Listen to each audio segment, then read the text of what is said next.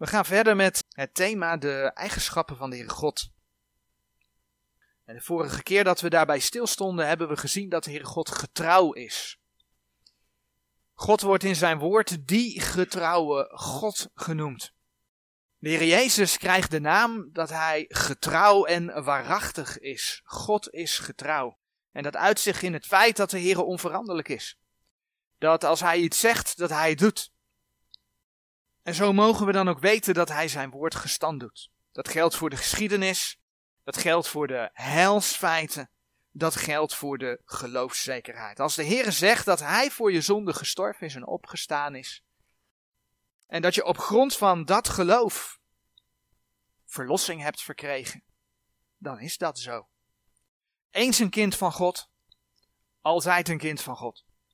En dan heb je als kind van God de belofte dat de Heer voor je zorgt. En ook nog eens een keer de belofte dat als je voor de Heer leeft en leidt, dat je daarvoor in de eeuwigheid een beloning krijgt. De Heer God is getrouw. Vandaag zullen we stilstaan bij het feit dat de Heere God barmhartig is, dat Hij ontfermt en dat Hij geduldig is.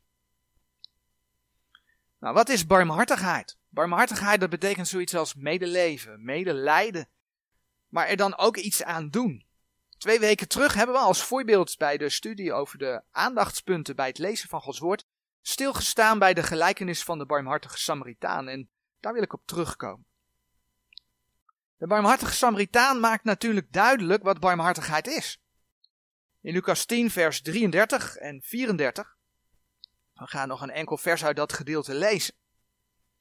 Daar staat het volgende geschreven. Lucas 10, vers 33 en 34. En ik zei net, daar wil ik op terugkomen. Ik bedoel niet dat ik iets anders ga vertellen dan dat ik toen verteld heb. Ik wil er eigenlijk dus vanuit een andere invalshoek op verder gaan. Dat is wat ik daarmee bedoel. Lucas 10, vers 33 en 34.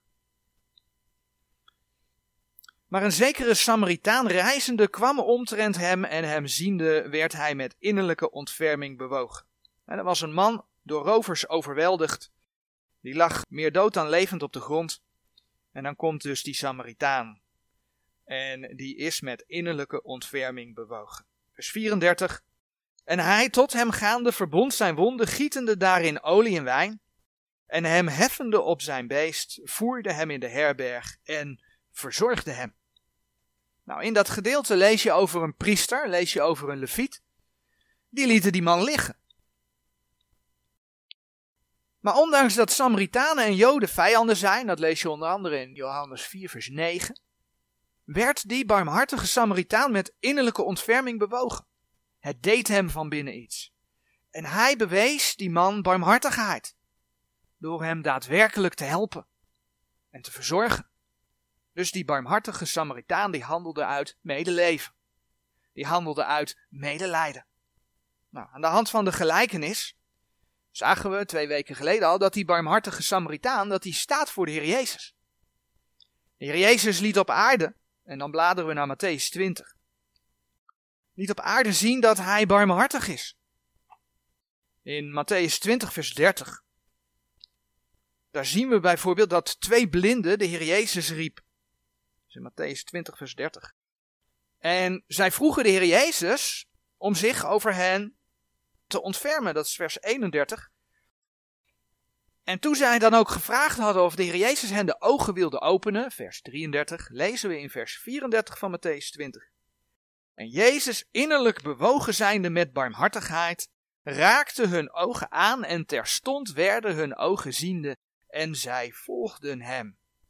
Dat is een wonder wat de Heer Jezus deed. En daarmee liet hij in eerste instantie zien dat hij de beloofde Messias was. Ik haal nog wel eens de versen Matthäus 8, vers 16 en 17 aan, omdat daar geschreven staat dat die wonderen inderdaad aan de Messias gegeven waren om te laten zien dat hij dat was. Hij vervulde wat de profeet Jezaja zei. Nou, de Heer Jezus was God geopenbaard in het vlees.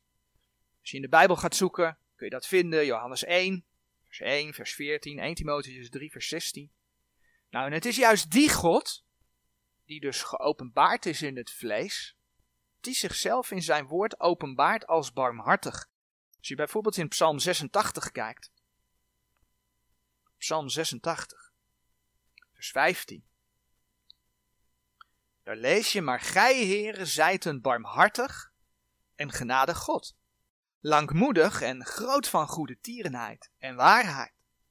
Dat is Psalm 86, vers 15. Maar zo staat er in Psalm 145, vers 8, en die tekst staat hier op de dia. Genadig en barmhartig is de Heer. Langmoedig en groot van goede tierenheid. Nou, wat de Heer Jezus in de gelijkenis van de barmhartige Samaritaan liet zien, zo is God. Hij is barmhartig. Hij is innerlijk bewogen met de mens. Hij heeft medelijden en medeleven met de mens. En van daaruit heeft hij ook gehandeld. In het Oude Testament zie je dat meerdere keren terugkomen in de psalmen, dat de psalmschrijver aangeeft dat God hem barmhartig is geweest. En in het Nieuwe Testament komt dat tot uiting in het volbrachte werk van de Heer Jezus. Zo lezen we bijvoorbeeld in 1 Petrus 1 vers 3. 1 Petrus 1 vers 3. Geloofd zij de God en Vader van onze Heer Jezus Christus, die naar zijn grote barmhartigheid ons heeft wedergeboren tot een levende hoop door de opstanding van Jezus Christus uit de doden. Het lijden, sterven en de opstanding van de Heer Jezus, hè, wat je de wedergeboorte geeft, wat je het eeuwige leven geeft. Als je dat aanneemt, als je het aan hebt genomen, dat was een handeling van God. Dat is geboren uit zijn grote barmhartigheid, dat lazen we net. God heeft dat uit zijn barmhartigheid gegeven. En een heel mooi gedeelte wat daar ook over schrijft, is Titus, Titus 3. Titus 3, vers 4 tot en met 7. Maar wanneer de goede tierenheid van God onze zaligmaker en zijn liefde tot de mensen verschenen is, heeft hij ons zalig gemaakt niet uit de werken der rechtvaardigheid die wij gedaan hadden, maar naar zijn barmhartigheid, door het bad der wedergeboorte en vernieuwing des Heilige Geestes welke hij over ons rijkelijk heeft uitgegoten door Jezus Christus onze zaligmaker, opdat wij gerechtvaardigd zijnde door zijn genade erfgenamen zouden worden naar de hopen des eeuwigen levens. Nou, het mag duidelijk zijn dat die redding niet buiten Jezus Christus omgaat. Werken der rechtvaardigheid kunnen je niet redden, dat lazen we net in die vers. Alleen door Jezus Christus kan de mens voor God gerechtvaardigd worden.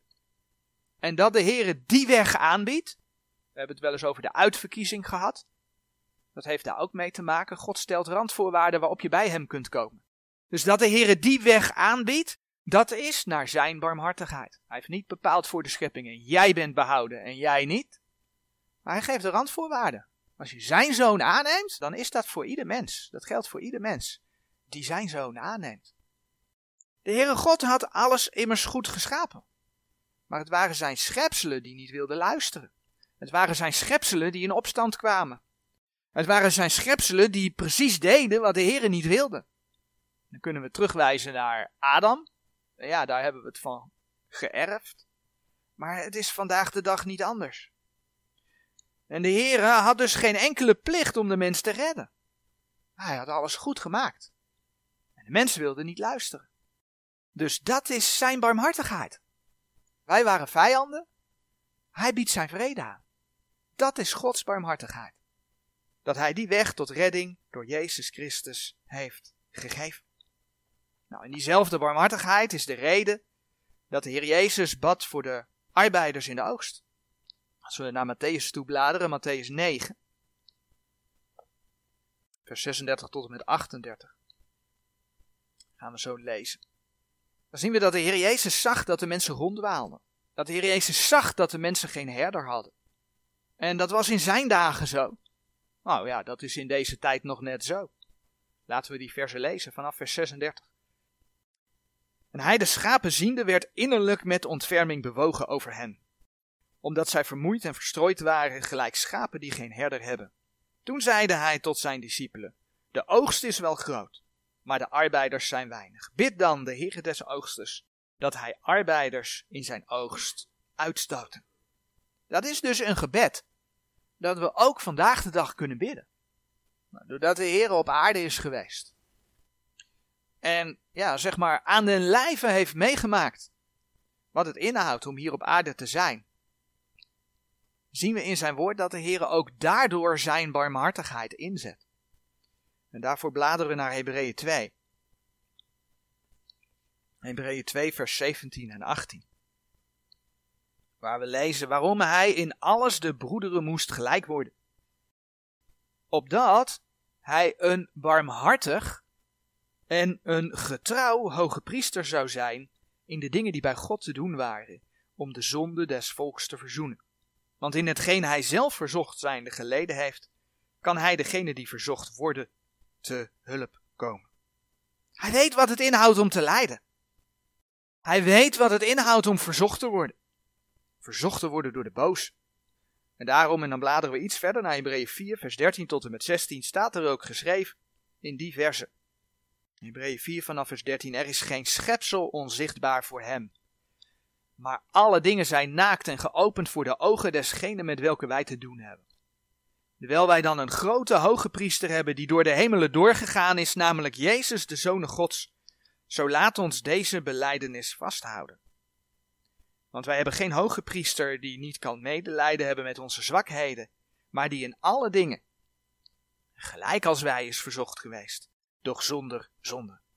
Laat ons dan met vrijmoedigheid toegaan tot de troon der genade, opdat wij barmhartigheid mogen verkrijgen en genade vinden om geholpen te worden te bekwamer tijd.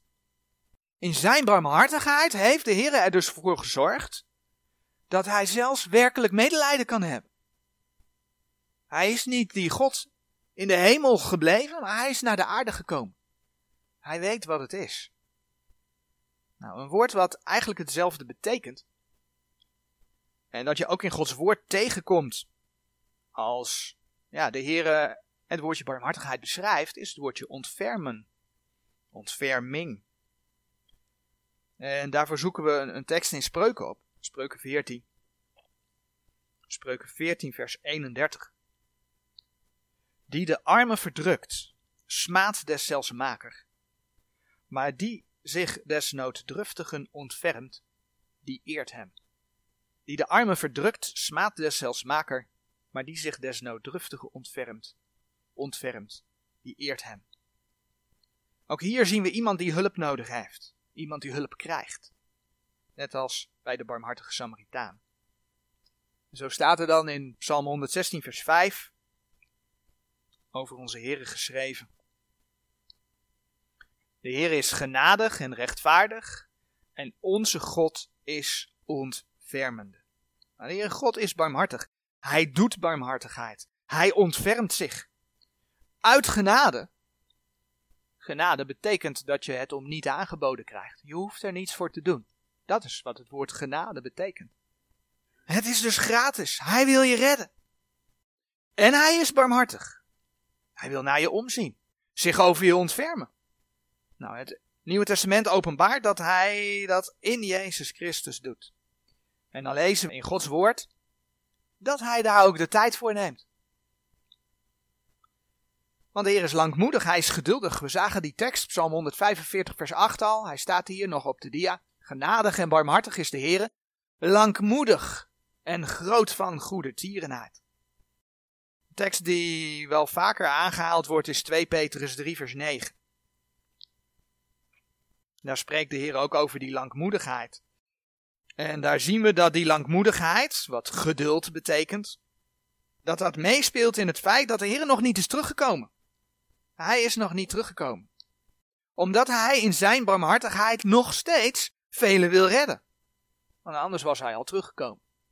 2 Petrus 3 vers 9. De Heere vertraagt de belofte niet gelijk enige dat traagheid achter, maar is langmoedig over ons. Hij is geduldig over ons. Niet willende dat enige verloren gaan, maar dat zij alle tot bekering komen. En toch zal eens Gods geduld ophouden. Eens zal de ongerechtigheid der heidenen vol zijn. Nog niet zo heel lang geleden hebben we ook bij dat onderwerp stilgestaan. Hebben we gekeken naar Genesis 15, vers 16, Lucas 21, vers 24, meerdere versen overigens. Maar de ongerechtigheid van de heidenen is eens vol. En dan is het klaar met Gods geduld. Dan gaat hij ingrijpen. Die tijd gaat komen. Want de Heer is ook, en daar hebben we eerder bij stilstaan, ook rechtvaardig. En zo zien we hoe al die eigenschappen van God samenkomen in hem. en beschrijven wie Hij is. Amen.